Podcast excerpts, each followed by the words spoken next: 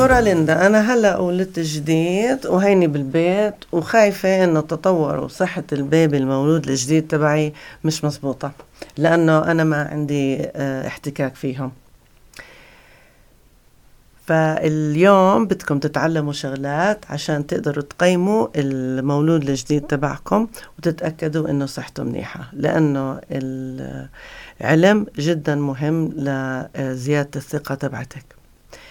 هلا بدي إياكي تعرفي إنه المولود الجديد أكثر ذكاء وقدرة مما بتتخيلي.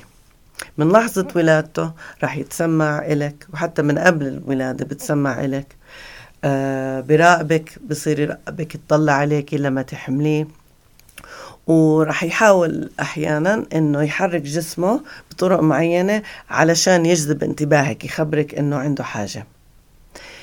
وتطور طفلك بطريقة طبيعية متوقعة هي دلالة صحة ونمو دماغه وجهازه الهضمي. فكيف بدك تعرفي شو هو المتوقع خلال تطور مولودك الجديد؟ أول إشي بدنا نحكي عن التصرفات الطبيعية من وقت الولادة. بحديثي الولادة عادة البيبي ممكن إنه يرضع بقوة وبشكل طبيعي. وبجوع كل ساعة ونص لثلاث ساعات خصوصا إذا كانك عم بترضعي منك. ممكن إنه يحرك راسه من جانب لجانب وهو على ظهره أو حتى وهو على بطنه. آه بيقدر يرفع دقنه عن الفرشة إذا حطيتيه على بطونه. وبعدين رح تلاحظي إنه إيديه منكمشين على بعض يعني منقبضين منقبضتان على بعض ورح يحط آه إيديه بالقرب من وجهه. هاي مرات آه بتعطل الرضاعة الطبيعية لأنه بدك تقيمي الإيدين. بس هاي شغلة طبيعية. ورح تلاقي إنه ممكن إنه ينتبه على صورة فيها ألوان متباينة كتير أبيض وأسود أو أحمر وأبيض. لأنه بقدرش النظر عند البيبي مش كتير منيح وعادة بقدر يشوف بس 20 ل 25 سم قدامه. رح يعرف صوتك يعني بيهدى وبنتبه لما تحكي أنت. وإذا أبوه كان حاكي معه أثناء الحمل رح ينتبه على صوت البابا كمان. ورح يطلع عليكي ويهدى بس تحكي معه. وبعدين بيعرف وبميز ريحة حليبك. عملوا دراسة على أطفال آه على مواليد جداد آه فرقوا يعني عرفوا الفرق بين ريحة الحليب آه تبع أمهم من ريحة الحليب تبع أمهات تانية. وفي شغلة تانية ممكن إنكم تطلعوا عليها عشان تقيموا التطور تبع المولود الجديد. إنه تطلعوا على خمس ردات فعل معينة. يعني reflexes في عند البيبي ردة فعل المص لما تغسلي ايديك منيح تحطي إصبعك وتمسكي سقف الحلق رح تلاحظي إنه البيبي بمص. وهاي ردة الفعل أو رد فعل المص جدا مهم لتحفيز الطفل على الالتقام بالطريقة الصحيحة لما تعملي الرضاعة الطبيعية. فبدك تستغليها وانت بتأسسي الرضاعة الطبيعية. بدك تأكدي انه تحطي كمية كفاية من آه هالة الثدي بحيث انه حلمتك المنتصبة تمسك آه راس ال ال الفم تبع البيبي علشان آه يصير يعمل ردة فعل المص في عندهم كمان ردة فعل تانية هي اسمها ردة فعل التجذير. وهاي بتحفز المولود لما يكون جوعان إنه يحرك تمه لعند أي شغلة بتلمس وجهه بال يعني عند دقنه أو تحت تمه بشوي. وهاي كثير الناس بيضحكوا عليها بيكون الأب حامل البيبي ولما يكون جوعان بصير يدور إنه وين الثدي تبع الماما. فهاي من ردة فعل التجذير.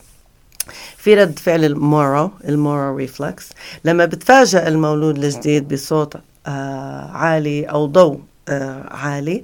رح تلاحظوا إنه برفع إيديه لبرا وبمد اجريه وبعدين آه وبرجع راسه لورا. وبعدين دغري بعديها بيرجع آه بضمهم. آه لعنده وبعدين آه بتني اجريه هاي بتسبب غلبة إنه البيبي لما بده ينام لما يكون في صوت بالبيت إذا عمل ردة الفعل المورو أو ردة فعل الجفل ممكن إنها تصحيه عشان هيك آه في أطفال بيستفيدوا كتير من التقميط أو الكفلية هاي لأنها بتخليهم ما يشفلوا هيك وما يصحوا حالهم. لأنه مرات مش بس بيشفلوا بيصحوا حالهم. بيشفلوا وبصيروا يعيطوا لأنه متفاجئوا من هاي الحركة. وهاي ردة فعل وهاي عادة آه، بتختفي بعد كم شهر. في ردة فعل القبض. إذا بتلاحظي آه، لما تحطي إصبعك على بكف البيبي البيبي بيسكر إيده. وكمان نفس الشيء إذا حطيتي إصبع إيدك تحت أصابع الإجرين تبعونه برضه بضم الأصابع اجريه على إيدك. ف هدول الردات الفعل الأربعة موجودين آه، بكل الأطفال الطبيعيين. في آخر وحدة أنا أكثر وحدة بحبها هي ردة فعل المشي. لما تمسك البيبي تبعك آه بشكل عمودي وتسندي راسه وتحطي اجريه على الطاولة أو على الفرشة. رح تلاحظي إنه برفع وحدة من اجريه كأنه بده ياخد خطوة بنزلها وبعدين رح يرفع إجره الثانية.